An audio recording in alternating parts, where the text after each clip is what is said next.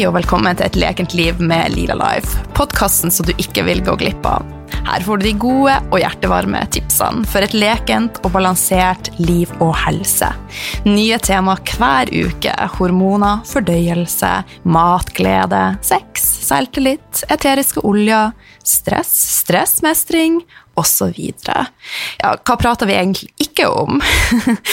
Noen ganger så har jeg med meg spennende gjester, og av og til så er det meg. Og hvem er jeg? Jeg er Oline, jeg er næringsterapeut, yogalærer, veileder i eteriske oljer, mamma, livsnyter og har ei brennende interesse for ei naturlig helse. Jeg har vært alvorlig syk i mange år, og nå er jeg 43 år og faktisk mer vital enn noen gang. Livet, det leker lite grann.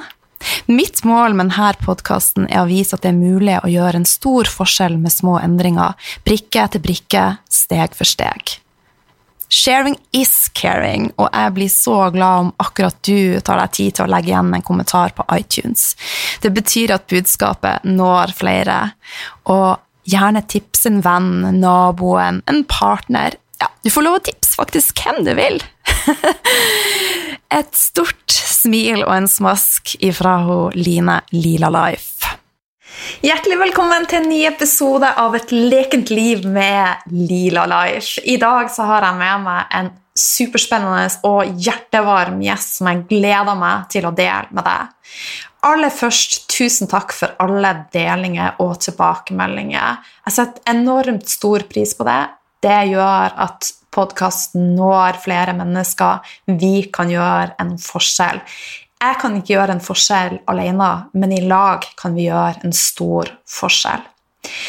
Her kommer ei av tilbakemeldingene fra dere og ei femstjerne fra Maggie May, så tusen takk. Overskrift anbefales. Tusen takk for at du igjen gjør dagen min meningsfull, og gir meg tips som jeg kan bruke til å bli den beste utgaven av meg selv. Herregud, som jeg setter pris på den jobben du gjør. Det jeg setter mest pris på, er at du går i dybden, helsenerding som logisk forklarer hvordan ting henger sammen.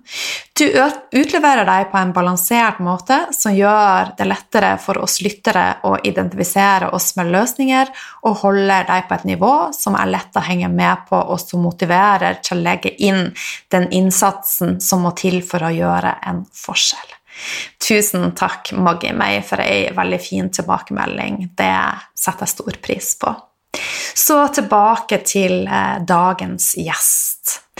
Eh, dagens gjest er hun Gry Hammer, og jeg er utrolig stolt over å kalle hun Gry en venn. Og eh, av en eller annen merkelig grunn så veier jeg til at vi kalte hverandre konemor. og eh, jeg har skikkelig nedtelling til vi skal møtes live i slutten av oktober. Det er faktisk blitt oktober, tro det eller ei. Høsten kom plutselig kasta over oss. Det er ei fin tid, da, det syns jeg. Men hun Gry hun har i mange år fremma en sunn og bærekraftig mat- og livsstil. Hun har skrevet flere bøker om kraft fermentering, bærekraftighet, og har ei ny bok på vei som, eh, der hun eh, snakker om eh, eteriske olje. Hun snakker ikke om det, hun skriver om eteriske olje. hun Gry hun er kursholder, hun er blogger, hun er kone og er mamma. Så jeg er kjempestolt over å ha hun Gry med som gjest. Eh, siden sist jeg og Gry snakka, så har mye endra seg, og det er bl.a. noe av det som vi skal snakke om i dagens episode. Hjertelig velkommen, Gry Hammer. Fortell oss hvordan du starta dagen din i dag. Ja um, Er ikke det en bra start? Ja. Um, må jeg så tenke meg om igjen nå. Uh, jeg starta dagen med en dråpe Vitex og frankincense under tunga. Eterisk olje. Og så um, holder jeg på med disse ungene og alt dette her på vei ut av hus om skole og hverdag. Og så er det et lite sånn kosttilskuddsregime uh, knytta til frokosten. Grønn te, en miks av sencha og dragon pearls, som er en god miks med grønn te for mest mulig terapeutisk virkning. Og så um, Ja, tilskudd er gurkemeie Gurkemeie, appi reinlever, um, DIM må jeg ta nå for østrogenmetabolisme. Et B-vitaminkompleks som skal hjelpe på avgiftning. Enzym enzymproduksjonen min, fordi jeg har noen gener som ikke er helt eh, superfunksjonelle på det området. Eh, jeg tar isblåsin omega-3 sånn adre, adre fra isblå som går på kjertlene våre og hormonbalansen. Mm. Ja, masse tilskudd. Jeg tar sikkert masse mer også. Det er bare, akkurat nå er det sånn lite regime. Ja. Har du en type yoga, meditasjon, bruker du tid på det på morgenen, eller? Gå på tur med hunden min. Ja, Det er en form for meditasjon for deg? Ja Nei, ikke alltid. Han er jo ganske bisk av seg, så det, det blir ikke alltid så veldig meditativt når vi møter en annen hund eller noe sånt. Da blir det kanskje anti, antimeditativt. Men jeg har en liten greie med yogamatta mi for tida, fordi at den kaller veldig på meg. Ja. For meg er jo yoga ikke bare å stå på ei matte og gjøre øvelser, det handler jo om en måte å tenke og leve livet sitt på. Mm. På mange måter så lever jo jeg et yogisk liv, men Akkurat nå løfter jeg på veldig masse tunge ting i et, eh, et treningsstudio. Det hjelper best på psyken min akkurat nå å trene tung styrketrening. Og så eh, driver yogamatta og frister meg veldig for tida, men jeg har bestemt meg for at uh, livet mitt ikke skal bestå av noe som jeg skal, må eller bør gjøre, men noe jeg virkelig har lyst til. Så nå holder jeg på å opparbeide meg en sånn lidenskapelig attrå til yogamatta mi. Sånn at når jeg først da oppsøker den, så så skal det være med innlevelse og patos. Mm. Åh, det hørtes veldig lurt om. Men du, Gry, du har vært med på podkasten før, og siden eh, den episoden så har det skjedd mye. Eh, I, på sensommeren så posta du et eh, innlegg på Instagram og på bloggen din om at du hadde fått brystkreft. Eh, og det var jo et stort sjokk for meg, og det var garantert et stort sjokk for veldig mange, og ikke minst deg sjøl. Eh, hvordan oppdaga du det her, og hvordan har du hatt det? Altså, hvordan, ja, fortell oss litt. Ja, eh, jeg forstår jo det at det var et sjokk, for jeg delte jo den posten eh, såpass mange måneder etter mitt eget sjokk at jeg var klar for å tåle andres sjokk. Mm. um, og på mange måter så var det jo ikke akkurat et sjokk når jeg fikk bekreftelsen, for det lå jo en mistanke bak og ulma. Um, så når jeg fikk da passet mitt påskrevet den 29. april, så hadde jo jeg da både vært undersøkt og eh, hun som undersøkte det, syntes det så ut som kreft. Og um, jeg hadde vært gjennom noen måneder med tanker rundt det, da. så det var egentlig bare en bekreftelse på en mistanke. Men det er klart at når den da blir bekrefta, så er det så er det jo en beskjed du må forholde deg til og formidle omverdenen, og da blir det plutselig mye større enn enn det du har på en måte lulla deg inn i ditt eget hode knytta til din egen skjebne og livssituasjon. Mm. Mm. Ja. Men har du det fint nå, da? Hvordan går det med deg, Gry? ja, altså, jeg Altså du kan si at i disse månedene som har vært, så har jo jeg eh, Du lever jo mye sterkere når livet er ekstremt på alle Mm. måter. Eh, Så jeg har kanskje både ledd og grått mer i de månedene enn jeg har gjort de siste fem åra til sammen, liksom. Mm. Alt blir så forsterka. Så du kan si at alt har jo ikke vært helt sånn Det har ikke vært et bekmørkt hull. Det er jo mye som utkrystalliserer seg og blir mye klarere for deg igjen sånn, eller for meg, da, jeg kan jo bare snakke for meg sjøl. Mye, mye har blitt mye klarere for meg. og eh, jeg har brukt mye tid på å sortere vekk alt som jeg tror har bidratt til at jeg ikke har eh, klart å holde meg frisk. Mm. Eh, og gjort meg en del betraktninger om hva jeg må gjøre for å forhåpentligvis holde meg frisk i fremtiden. Da. Jeg har brukt mye tid på å tilrettelegge for et roligere liv, men jeg har jo jeg har det bra. Jeg har, jeg har jo hatt det bra hele tida, selv om noen stunder har vært helt jævlige. Så har jeg det jo bra, og jeg har det jo bra. Bra er ikke godt nok for meg. Jeg har lyst til å leve et godt liv, et sterkt liv, og det har jeg gjort disse her jeg har, blitt godt, jeg har blitt godt ivaretatt også. Jeg har fått sett både Helse-Norge og det alternative Norge på sitt aller beste, og det har jo vært en reise også. Så bra. Du, det innlegget du delte, du valgte å kalle det den eh, ressurssterke kvinnens paradoks. Fortell mm. litt om hva du mener med det, altså hva du legger i det. Ja, det, det er ei god venninne av meg som heter Birgitte, som, som, egentlig ga meg den diagnosen. At eh, du, Gry, du lider jo av den ressurssterke kvinnens paradoks, sa hun til meg her i vår. Når vi bearbeida mine inntrykk og min, min ny, nyankomne skjebne sammen. Og det som ligger i det begrepet, det er at det er veldig mange av oss her ute i dag.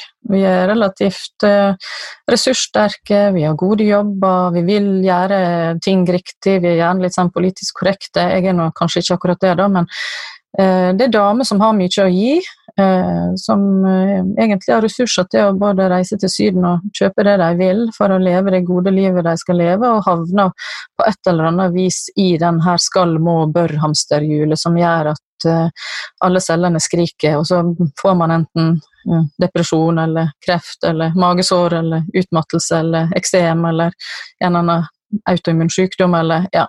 Mm. Det, det her stresset som tida vår eh, lett kan, kan, gi oss. Da. Det er noe med den tida vi lever som er veldig unaturlig. Og det er vanskelig å få til alt. Vi skal, være, vi skal, ha, vi skal helst være godt utdanna, vi skal ha videreutdanning, og vi skal helst ha mange unger. Vi skal, vi skal mye. Vi skal også være veldig sexy og kåte hele tida. Det er så mye vi skal, og det er vanskelig å innfri alle de kravene. Og mange av dem har vi skapt sjøl. Så det er det som er en ressurssterk kvinne. Hun kan veldig mye, hun får til veldig mye og har masse ressurser. Og så maler hun seg sjøl inn i et hjørne, og så kan hun sitte der. Det tenkte jeg mye på jeg føl, da i den tida. Jeg visste ikke helt hvordan jeg skulle sortere, og, og hva jeg skulle gjøre, og hva som skulle komme.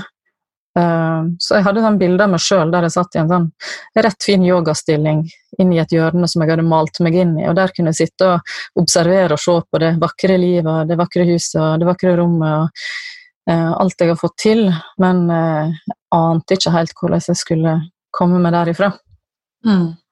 Ja. Og det er ikke alltid en klarer det helt alene heller, og det er jo det jeg kanskje har kjent litt på, eller ikke kanskje, det er det jeg har kjent på, at jeg har jo vært veldig, veldig sterk, og jeg er egentlig veldig, veldig sterk, men det er stunder der også den sterke er svak, og, og kanskje jeg tillater meg mer nå enn enn før, og, og, kjenne på den sårbarheten og svakheten og strekke ut ei hand. Og det har jo denne eh, opplevelsen lært meg, da. Denne eh, kreftdiagnosen som jeg fikk da. Mm. Så vil du si at det har endra deg som menneske, det å faktisk få denne diagnosen?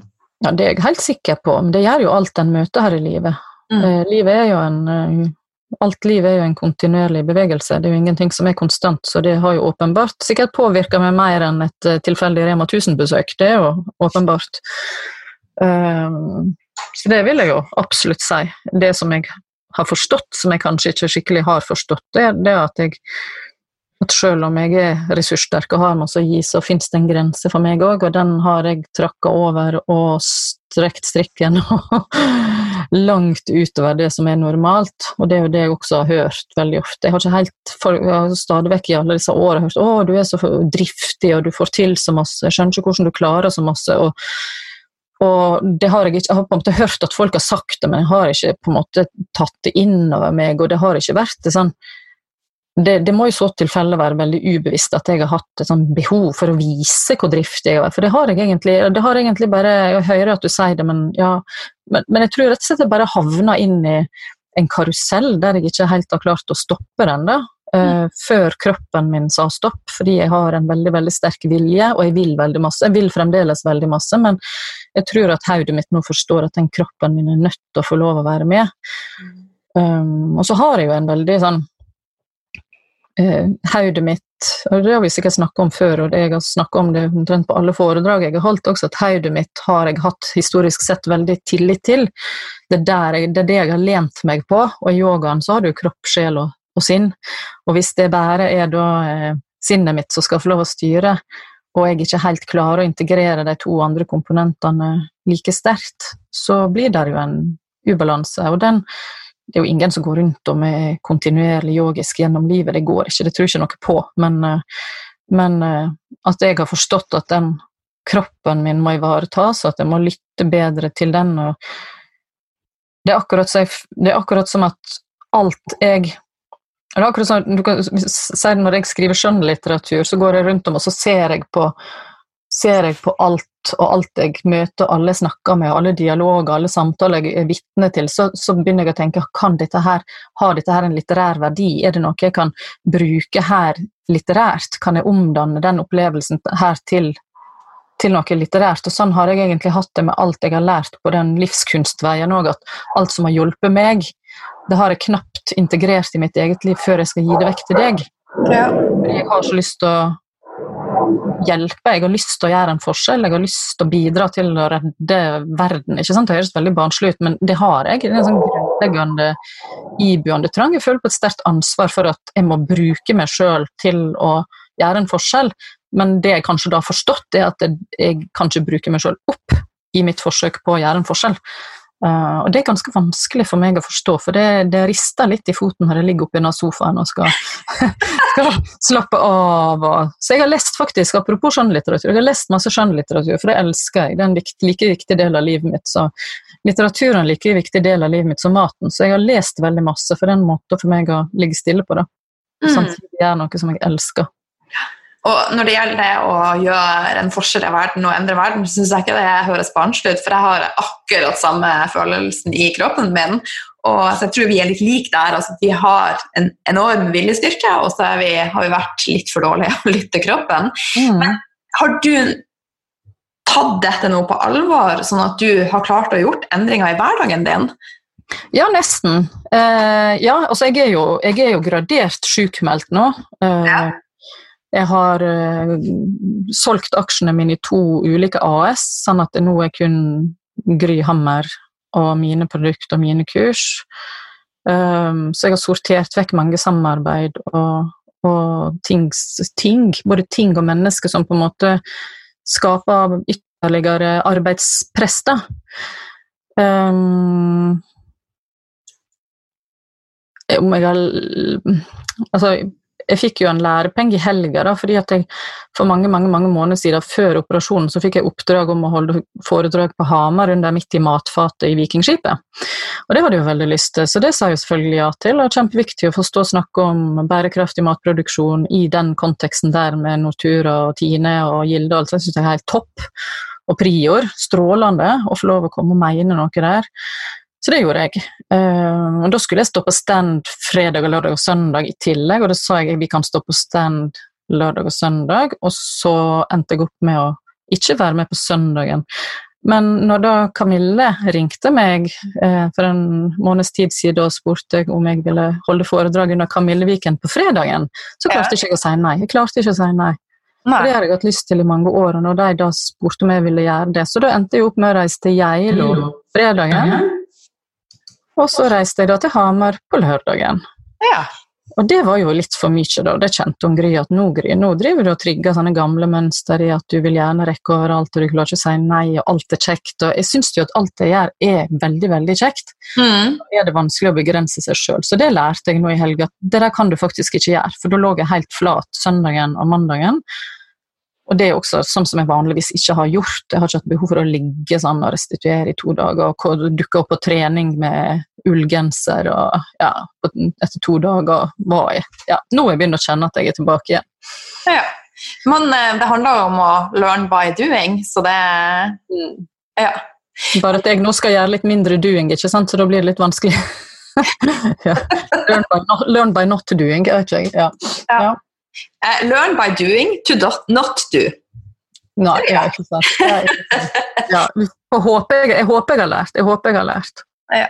Men uh, du um, når man får brystkreft, så blir man jo stilt overfor en del valg. Eh, du har valgt å avstå fra stråling og avstå fra å få rekonstruert en eh, pupp. Eh, og også, som du skrev på nettsida, du, de, du ville ikke spise deg opp for å så kunne bruke fett og rekonstruere en pupp. Det må jo være sånn enhver kvinnes drøm å få lov å spise ekstra i tre måneder. For så. Det er det som er litt lodd med å sitte på en viss kunnskapsmengde, det at det der er jo noen sånn veldig typiske triggere på kreft også, det. Og det overvekt er ikke nødvendigvis oppskrifta på å holde seg eh, frisk gjennom Nei, jeg vet det. Du trigger ja. Ja, det blir helt absurd. for Jeg jeg vet akkurat hva jeg skal gjøre for å legge på meg. Da må jeg spise potetgull, chips, eh, ting med frityr. Da legger jeg fort på meg, for det, det det er ikke kroppen min glad i, så da legger det på seg. Mm. Det, det, det, føltes veldig naturstridig å vite at jeg var såpass syk som jeg var, og på en måte ete mat som da skulle gjøre det motsatte av å bygge meg opp. Ja. Og det føltes helt unaturlig. Og, og det som jeg på en måte jeg tillot meg å se på den, akkurat den spesifikke diagnosen jeg fikk, eh, individuelt, fordi at når du da ikke har spredning, du har ikke en spesielt aggressiv kreftform, Eh, jeg, jeg, er så lite forfengelig at jeg glemmer silikoninnlegget når jeg skal holde foredrag og står skakkjørt, så blir på en måte ikke den puppen viktig for meg. Eh, jeg må innrømme at jeg nå etterpå kan av og til kjenne på en liten klump når jeg altså, Jeg syns jeg er flott, men det hadde vært fint å vært symmetrisk, men jeg tenker at det er enda finere å leve. Eh, men det handler jo rett og slett bare om at den strålinga som jeg måtte, måtte, gjennom da, før operasjonen, den strålinga handler om at du skal gjøre kulen så liten som mulig. Jeg hadde jo en stor og en litt mindre, rett ved siden av hverandre. Så den strålinga vil jo da bli gjort for å gjøre dem så små at du kan plukke dem ut og fremdeles bevare puppen. Eh, for meg, jeg har ikke lyst, jeg hadde ikke lyst, jeg ville virkelig, virkelig ikke utsette kroppen min for stråling. Så da tenkte jeg ok, da ofrer jeg den puppen. Og det er jo da kan ikke jeg bli konfrontert med at jeg er uansvarlig av noen, for det er mitt valg. Ja. Det handler om estetikk og ikke noe annet. Det å ha en pupp eller ikke en pupp. Uh, og så var det, takker jeg også nei til cellegift i etterkant, for den skal du ta det for sikkerhets skyld. Først fjerner du kirurgisk kreften, og så skal du ta cellegift for sikkerhets skyld i tilfelle det er noen sånn snikende celler som lurer seg av sted. Og det takker jeg også nei til. Uh, og det, det, fikk jeg en del alvorlige blikk på av de som behandla meg, at de syntes det var litt uklokt av meg å takke nei til.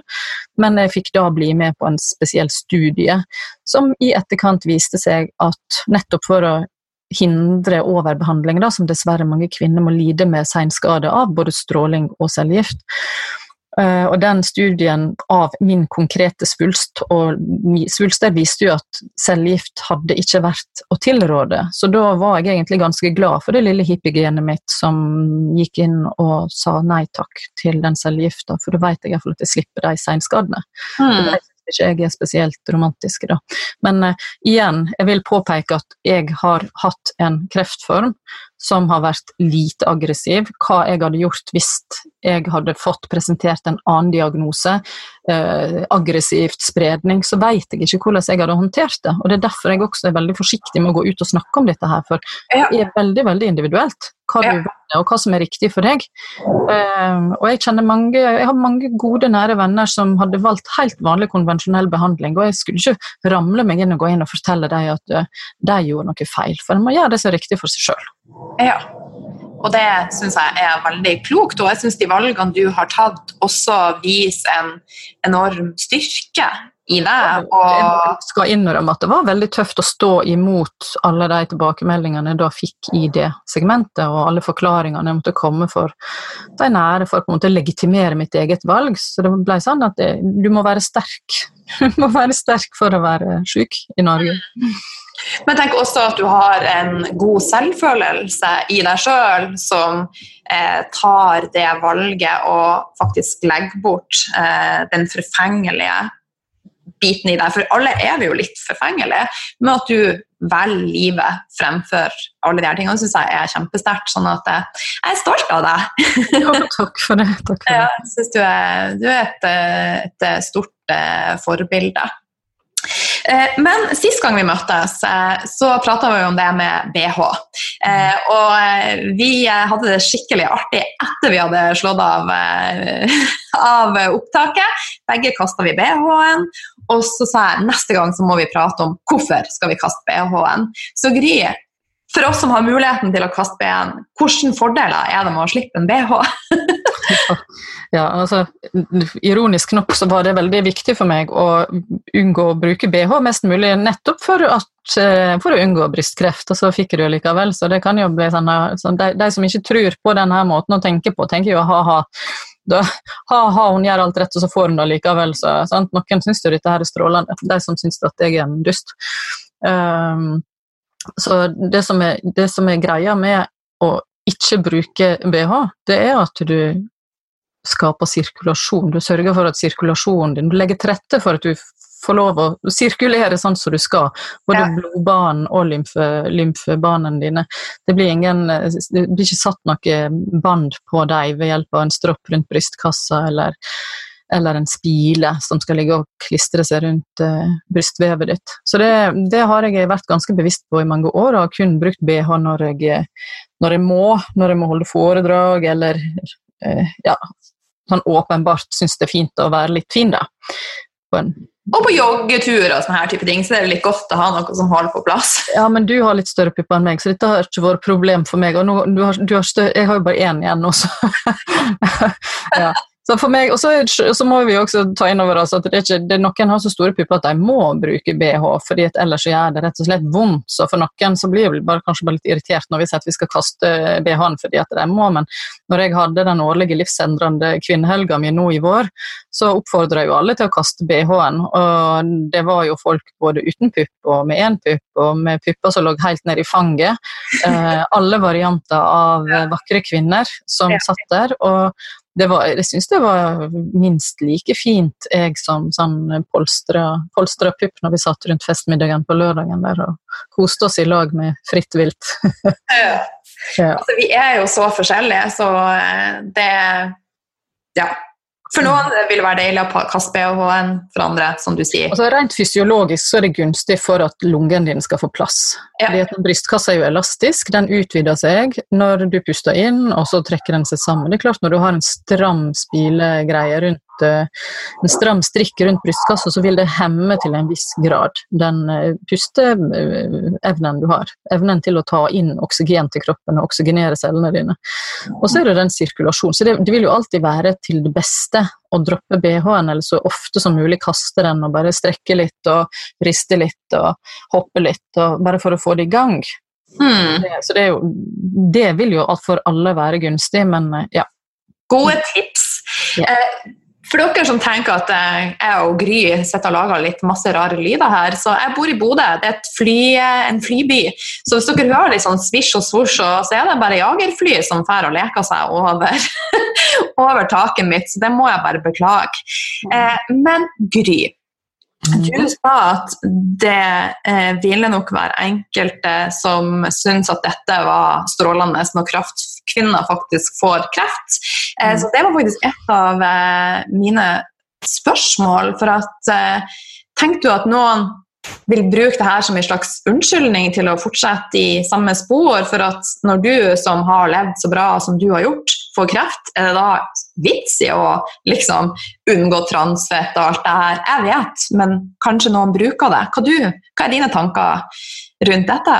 Så når sånne dramatiske ting oppstår med såkalte offentlige personer, eh, så eh, vil de som liker deg og tror på deg i utgangspunktet, de vil like deg og tro på deg enda mer. Ofte. Ja. Mm. Uh, spesielt hvis du er så ærlig at du at ikke du prøver å dikte opp en eller annen versjon av virkeligheten. Hvis du er sann og ekte. Og de som ikke tror på deg, eller mener at det, har, det som du driver og snakker om, har noe for seg, de vil jo bare få en bekreftelse på at, at uh, ja, på det de tror på. Og hva som, Vi skaper jo alle vår egen virkelighet, og hva som foregår inni hodet til hver enkelt. og hvordan vi, det er jo sånn, Jeg har jo fire barn også. Om, om ti år så vil jeg tro det finnes fire ulike forklaringer på hvem hun mora var. fordi det er fire forskjellige barn, selv om de har bodd i samme hus og spist samme mat. Ja, ja, ja. sånn. Så dette der kan en på en måte ikke styre, men det er jo helt klart at noen syns dette her er vidunderlig. De som, de som sitter på disse her eh, haters eh, sine, de mesker seg i det her. Så det de, men det må de få lov til, det er jeg vant med, så det går veldig fint. Det, det, det er synd at det er sånn, men det som er viktig for meg, er ikke å leve et perfekt liv og være perfekt. Det som er viktig for meg, og som kanskje er det ene ordet som, som gjenskinner alt jeg tror på og snakker om, det er bevissthet. Det å skru seg på og leve et bevisst liv i tråd med den en sjøl ønsker å være, det en sjøl tror på. Uh, og da får bare folk sitte og skape sin egen bevisstløse versjon av virkeligheten. Og jeg kan ikke tvinge folk til å like meg, enten jeg har kreft eller ei. Men jeg tenker at, at du mener fortsatt ikke sant, at det er superviktig å spise sunt og leve sunt for å ha ei best mulig helse. Ja, sant? Altså, jeg gjør jo det, og det er, det, det er jeg jo veldig glad for, men det, det, hadde ikke vært, det, det har jeg aldri vært redd for, for jeg har alltid levd et liv som har vært sant og riktig for meg, Ja. Eh, og det har jeg formidlet. Jeg har ikke prøvd å lure deg til å tro på noe som jeg selv ikke tror på, og jeg er helt overbevist om at med den genmaterialet jeg har fått servert, og den disposisjonen jeg har til å stresse og eh, altså både genene mine og oppdragelsen min og alt på en måte bygger opp under at jeg skal på en måte dra det her, dra meg sjøl ganske fort og hardt og raskt gjennom livet.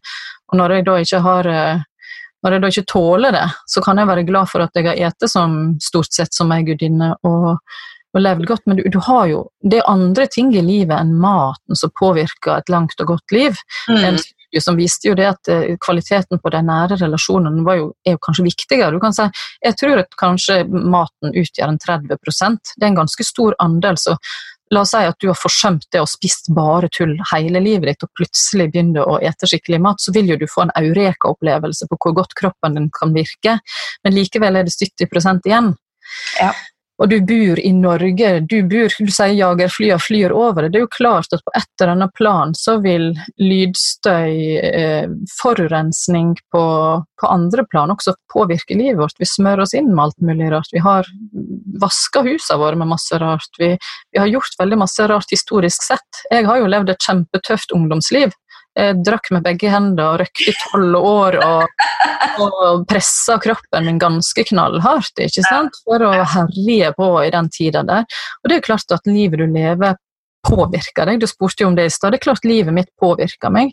Jeg har født fire barn på vegetar, altså tre av dem på vegetarkosthold. Veldig tøft for en kropp å utsette seg for det. Samtidig så er det jo gunstig å føde mange barn. Og sånn kan man jo sitte da og drodler rundt mange forklaringsmodeller. Men jeg tror minst like masse på det jeg formidler nå enn før, og det er jeg jo for så vidt glad for, men det jo, jeg har aldri vært redd for det. For jeg lever jo et sant liv for meg, Mm. og det er det jeg formidler. Det gjør du kjempefint. Jeg Du er flink til det. Eh, Du har alltid hatt et reflektert eh, forhold til alkohol. Har det her endra Ikke alltid, det var kanskje feil. Det er nesten tullfliren! Du har akkurat sittet og sagt at du i en periode satt og brakk med begge hendene. Ok, jeg tar og spoler litt tilbake, og så sier jeg De siste årene har du hatt et reflektert forhold til alkohol. Har dette endra ditt syn på alkohol? Og hva tenker du om alkohol? Eh, Jeg er litt nysgjerrig på alkohol. Eh, Ja, jeg sa nøkkel, jeg sa, det var et nøkkelord her i stad på bevissthet. Eh, Jeg har jeg ønsker å leve et bevisst liv. Jeg har lyst til å skru på hjernen med å leve et bevisst liv. Så hvis jeg velger å drikke meg full nå, så gjør jeg det fordi at jeg bevisst velger å bli bevisstløs, hvis du skjønner. Det er et bevisst valg. Det er et bevisst valg om at nå ønsker jeg å slippe taket på fylleavis. Skjønner du? Ja. Det er klart at å drikke mye alkohol når du er disponert for kreft, og det jeg må jo si at jeg er disponert for kreft når jeg faktisk har fått det, Ja. å drikke mye kreft Nei, herregud. Drikke mye alkohol nå er uklokt. Ja. Ja, det vil være uklokt å gjøre. Men at jeg tar meg et glass vin eller to nå, det gjør jeg med hjertens lyst. Eh, langt ifra daglig, for det er uklokt. det bør stå to til tre gram sukker per eh, på. Du må lese litt på hva du drikker hvis du skal velge å drikke. Og så må en jo tenke over hva det er en drikker for. Vår generasjon er jo oppdratt til å drikke. Vi skal sosialisere oss, så skal vi drikke. Skal vi ha det gøy, så skal vi drikke. Skal vi ha det vellykka, så skal vi drikke. Uh, min, altså, mine to døtre som er tenåringer, de har ikke det der det forholdet til alkohol som det vi og vår generasjon har. Iallfall ikke sånn som jeg har oppdaga. Jeg klarte å holde mye skjult for min mor, og mine for, men, men, jeg opplever at de ikke er så opptatt av den drikkinga. Altså, det er veldig, Jeg har hatt en uh, egen episode om alkohol. Det er derfor jeg har liksom satt meg litt sånn inn i hva skjer når vi drikker. og uh, Jeg har landa litt på det samme som du, da, at uh, jeg følger intuisjonen min og har, jeg vil ikke nekte meg alkohol heller, for da vil lysta sannsynligvis bare øke. Mm. Sånn at jeg kjenner også på det når ja, F.eks. i et sosialt lag så kan det kanskje være mer stressende å sitte og si nei, nei, nei når du egentlig vil ja, ja, ja. Mm. Eh, men det jeg eh, også fant ut, var at en del unge nå avstår fra alkohol. Så du har eh, rett i det du sier, og det er virkelig en trend også å eh, velge alkoholfrie alternativ. Så det er en veldig positiv trend, da, tenker jeg. Ja, jeg syns det er veldig positivt. Det er veldig morsomt. Eh, en av de vanligste tilbakemeldingene på kombucha det er jo nettopp de som begynner å brygge sjøl, eller bytter, bytter, De drikker mindre når de får mer kombucha inn i livet sitt, fordi at det kan minne litt om, kan erstatte, man kan sitte med det der i glasset. Eh, du kan til og med se ut som eh, På 17. mai så hadde jeg det i Jeg hadde ofte glass istedenfor før ville kanskje der før ville hatt Prosecco, ikke sant? for det ser jo like boblende og lekkert ut. og Spørs jo hva du vil. Altså, det å være fyllesyk for meg er jo helt uh, forferdelig. Så drikker jeg mer enn tre enheter, så blir jeg, blir jeg dårlig dagen etterpå. Da må det være verdt det. Mm. Da må jeg være bevisst på at det, her er verdt det. Men det er klart, nå er jeg jo i restitusjonsfase, det er jo ikke noe å sitte og drikke seg full etter, det er jo helt meningsløst. sant? Det, ja. Men jeg skal ikke sitte her nå og si at jeg aldri mer skal ta meg en fest. Det kan godt hende jeg gjør. Ja, men det høres veldig klokt ut. Men ikke akkurat nå. Ja. Eh, du, tidligere så har vi prata litt om at du tok en gentest, eh, og du har jo også et eh, du er flink på det med gener, og det kommer jo ny forskning på at vi kan påvirke genene våre i stor, stor grad. Eh, men når jeg leste, så, eh, så sto det at du hadde et, en gentype som heter KOMT. Eh, stemmer det? Ja, jeg har et gen som heter et såkalt uh, the warrior gene, kan man sikkert google det på. Ja. Um, og det er et gen som gjør at du har veldig mye driv, kraft, altså bare i kraft av den du er på cellenivå, nærmest på gennivå, så, så, er det mye kraft, mye energi. Det er sånn typiske folk som står i bresjen, står foran, uh, står sterkt i vinden, uh, skaper ting, gjør ting. Uh, det er sånn mange som har Ja, man utretter masse, da, men jeg har også et par gener som som viser at Man må jo på en måte forenkle det litt. Da. Jeg, jeg har nedsatt avgiftningsevne så kombinasjonen av det KOMT-genet og et par andre gener gjør at det drivet som jeg legger opp til i livet mitt, det greier ikke kroppen min å håndtere. Fordi jeg har ikke evne til å avgifte. Og si at jeg hadde drukket veldig masse, da, så, så har kroppen min ja, ja, det er et godt eksempel. Når jeg og mannen min for på fest, eller har vært på en fest, og vi begge to drar på, så kan jo jeg være dårlig to dager etterpå, mens han jogger, står opp og jogger dagen etterpå. Altså, det kunne ikke ha skjedd, på en måte for meg. Og det er jo nettopp helt sikkert disse genene, ikke sant. At mm. det, det, det, kan ikke gjøre. Så jeg må ta hensyn til det. Så det, det er gener som viser meg at jeg er lettere for å bli stressa. Men hvis du lytter innover, da, så er det jo klart at dette der forstår jeg. Man trenger jo ikke ta gentest for å forstå at ok, Gry, du, nå er du fyllesyk og ti ganger mer enn mannen din. Da bør du kanskje drikke litt mindre neste gang. Så det, du trenger jo ikke ta en gentest for flere tusen kroner for å ta riktigere valg for deg sjøl, men du må jo kjenne etter da, og skru det på og være bevisst.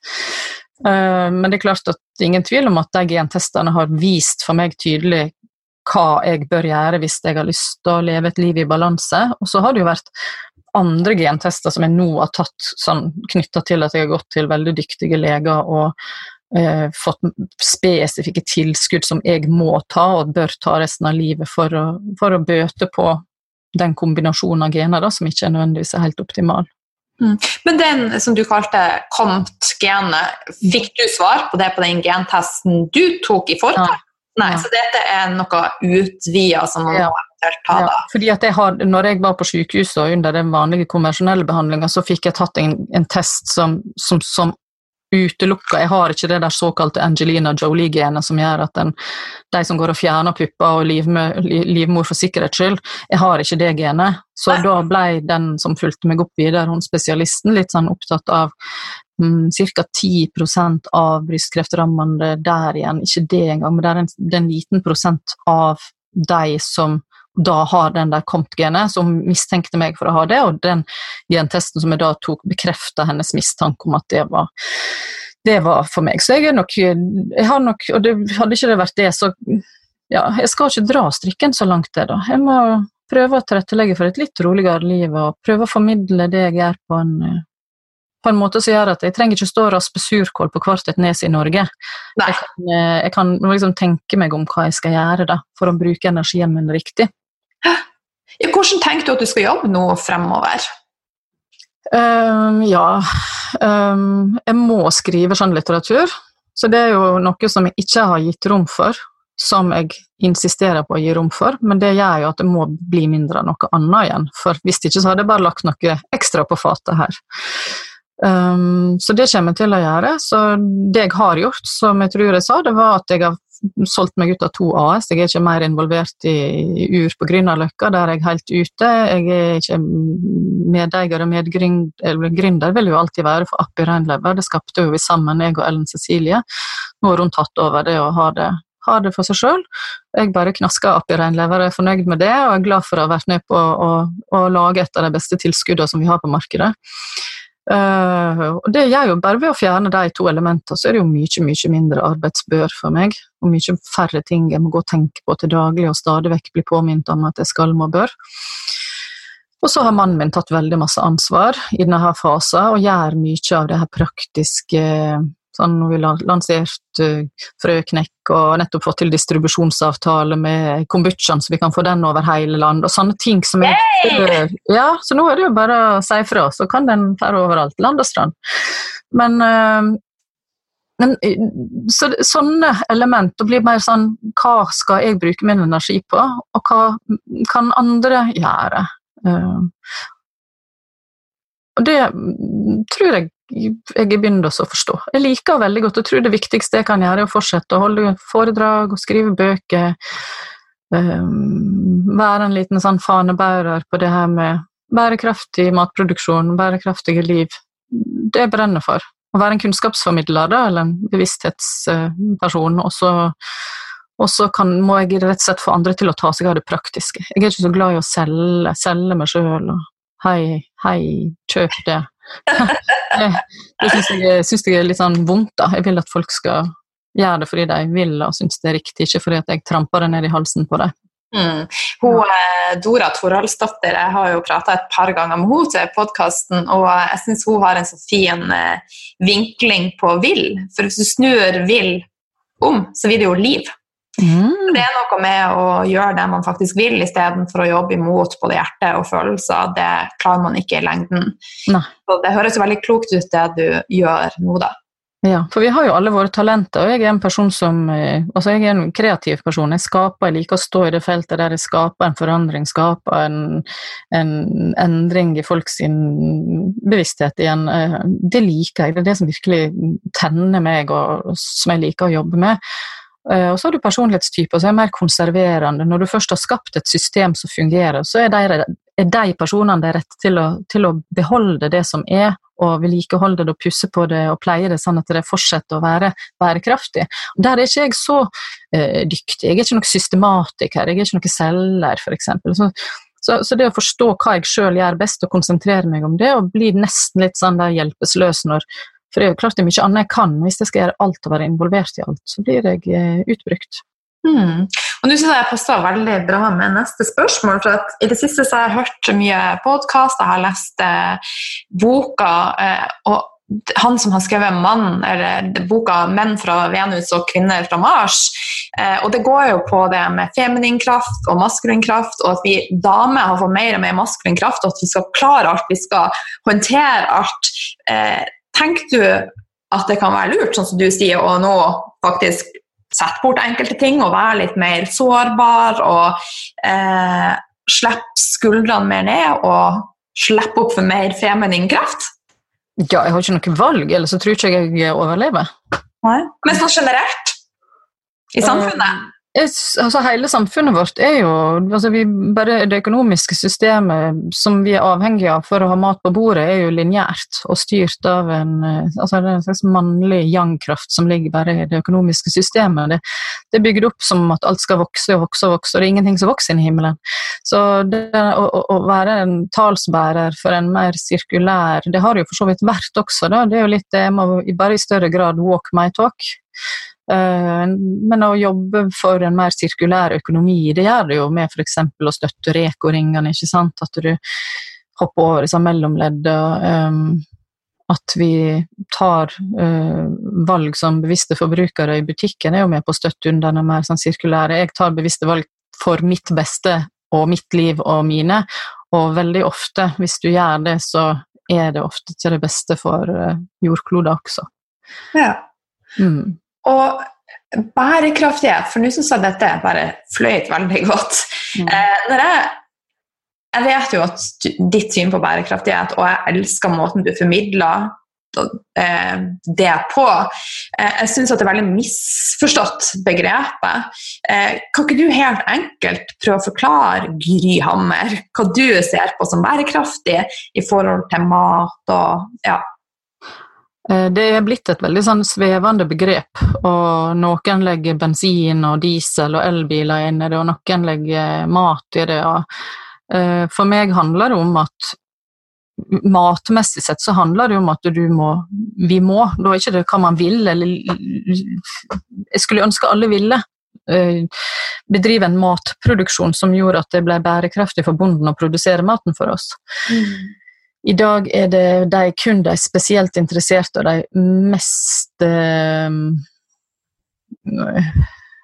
hva skal jeg si eh, Det er ildsjeler som velger økologi som en måte å dyrke mat på. Fordi det er vanskeligere, og spesielt er det vanskeligere opp mot et system. Det er vanskeligere å få solgt det.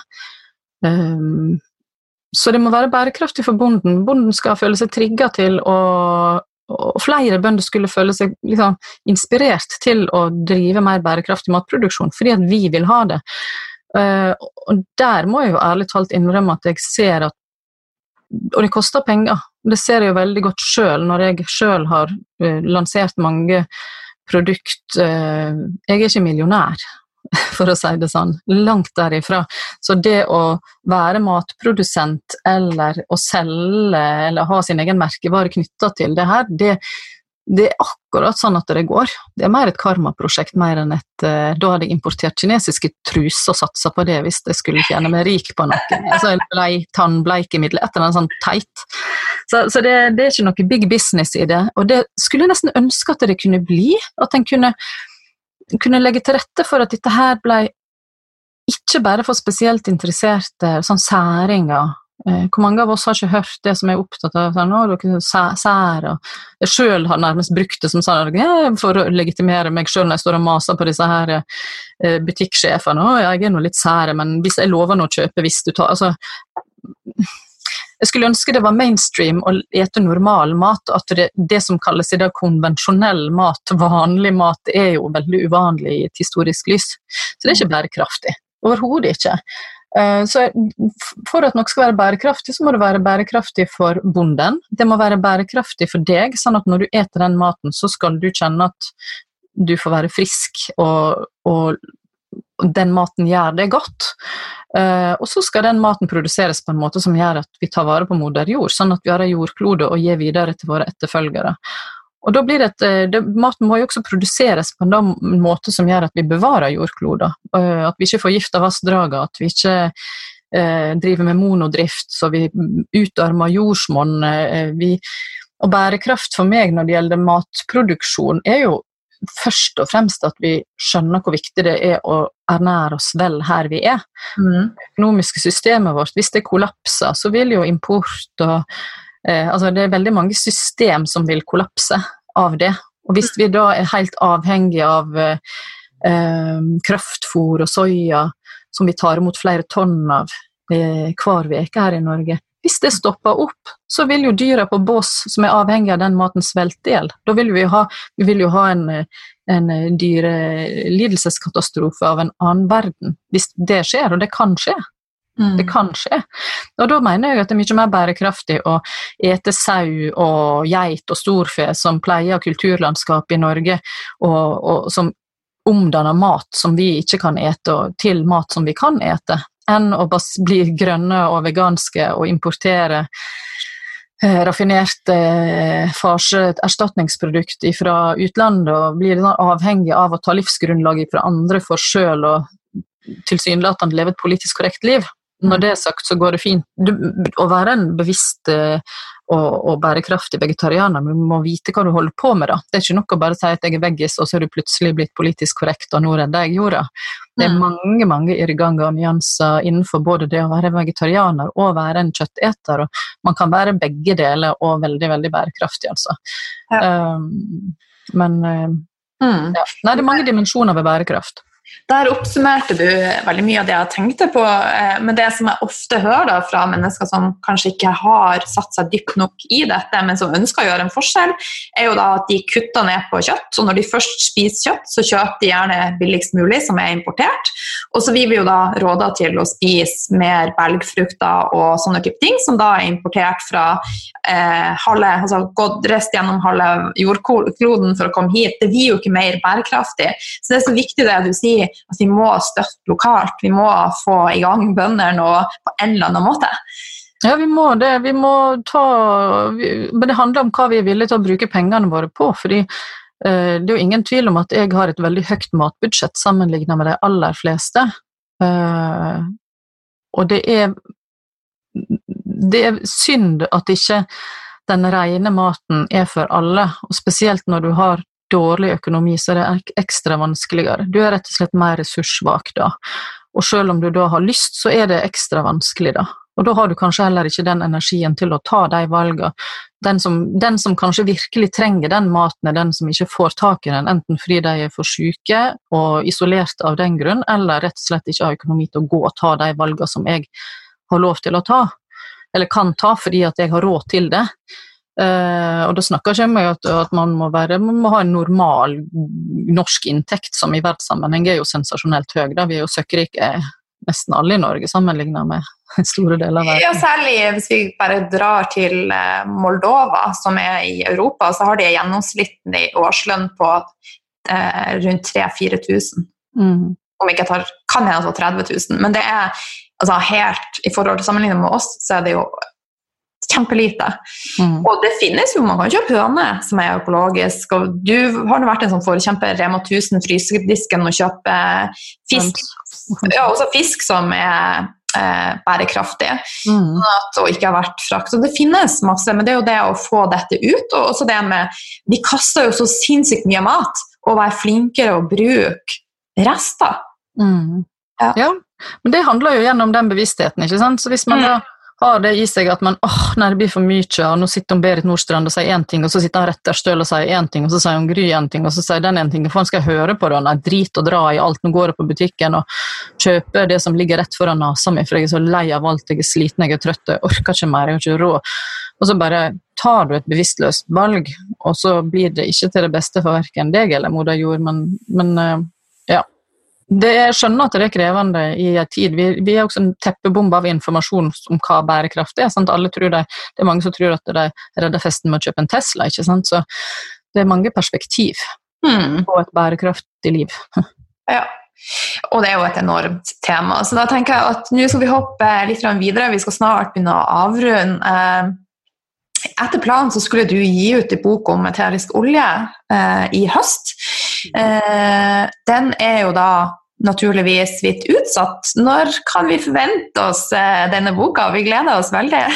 ja, Det skjønte jo ikke Grihammer. Så når jeg fikk ned den diagnosen, så måtte jeg gi beskjed til hun, redaktøren min, for jeg klarte jo ikke å levere til første frist. og Nei, jeg leverer om 14 dager. jeg, Man sitter sånn intellektuelt og tenker at dette skal jeg få til, og så går dagene, og så ble det jo bare tull. Så så fikk hun jo også en, en, en versjon av den som, som, viste at jeg hadde skrevet en bok i en fase av livet som var veldig ekstremt. Så, så det var mye dyptpløyende filosofiske betraktninger i den boka og det manuset redaktøren fikk. Så det var sånn eh, Gry, hvor er oljene? sto liksom sånn diskré med penn på sidene i margene. Hvor, hvor er, jeg savner oljene her, for da var jeg i noen dyptpløyende tanke om livet, døden, havet, kjærligheten. ikke sant? For det, det var jo på et veldig eksistensielt plan da når jeg holdt på i innspurten der. Så det var veldig nyttig for meg å legge den eh, Hun mente nå må du Gry bare få lov til at jeg blir frisk, og det hadde hun helt rett i. Så den der moderlige omsorgen jeg fikk av uh, mine to redaktører på Cappelen Dam, det har, vært, uh, det har vært livgivende, ja. Absolutt. For jeg tror nok at jeg hadde sikkert på en eller annen rar måte klart å presse meg til å fullføre. Så det var veldig godt å ta igjen det manuset her nå etter noen måneder pause. og få, Jeg hadde et sånt dokument som heter 'Kill Your Darlings'.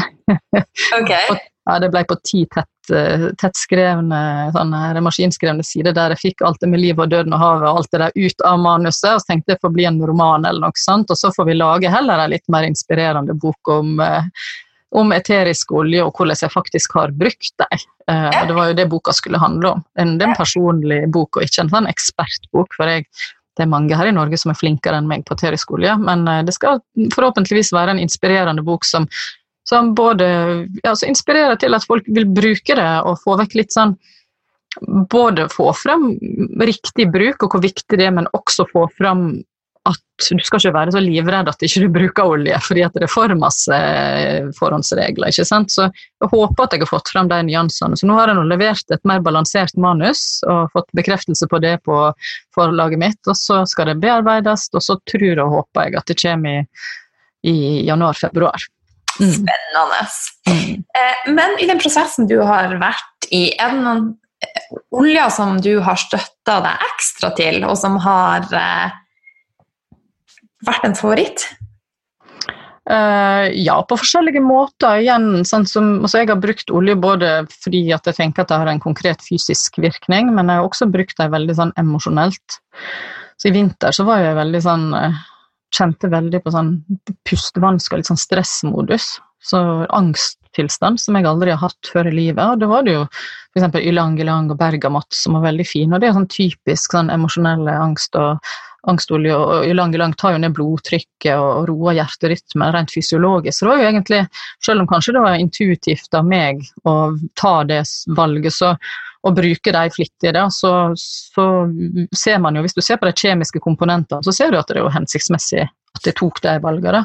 Mm. Nå sånn i etterkant i forbindelse med diagnosen og sånn, så har jeg jo um, Det er jo frankincense, da. Det, den har jeg jo for så vidt alltid brukt, og kan kanskje takke for at Jeg veit ikke.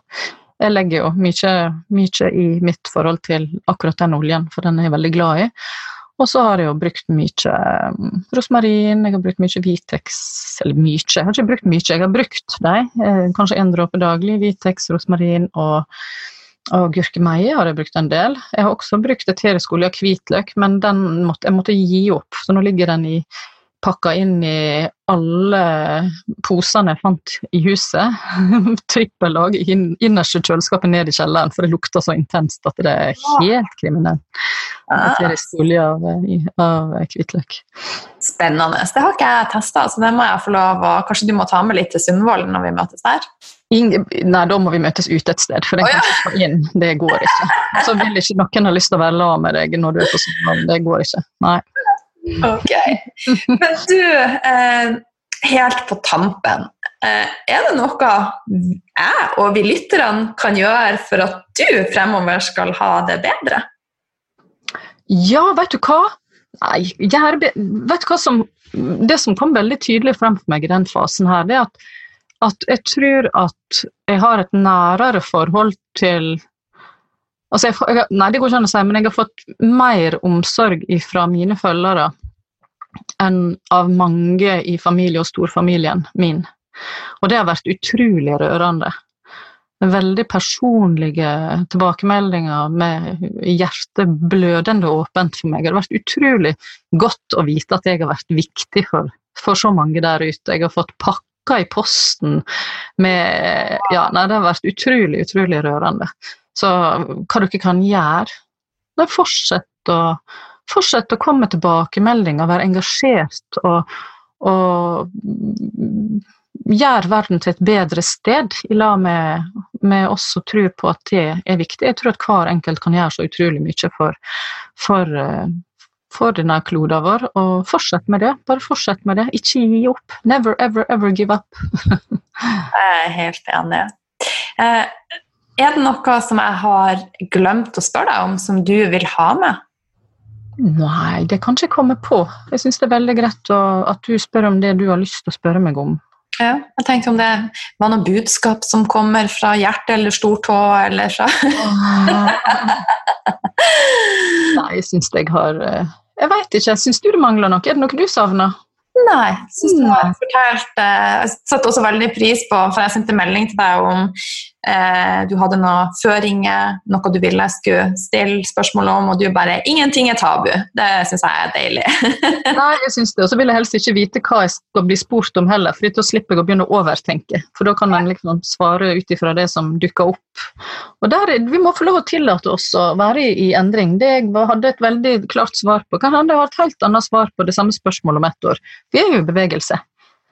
Det kalles evolusjon, forhåpentligvis, hvis vi skrur oss på og prøver å få mest mulig ut av det her livet. Jeg har jo fått meg en alvorlig eh, pekepinn og påpakning og læremester, eller hva man skal si, så, så da må man justere litt kursen. og så da blir det bedre og bedre dag for dag.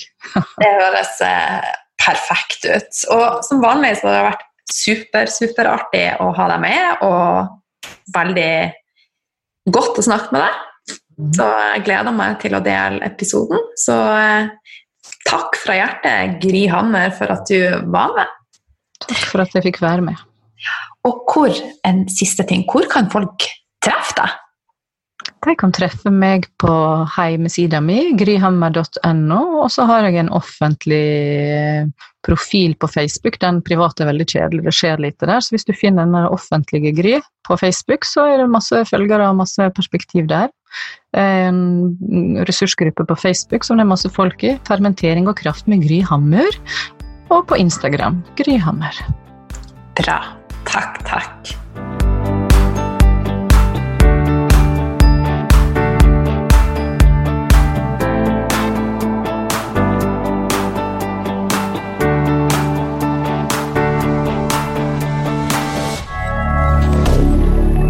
Media.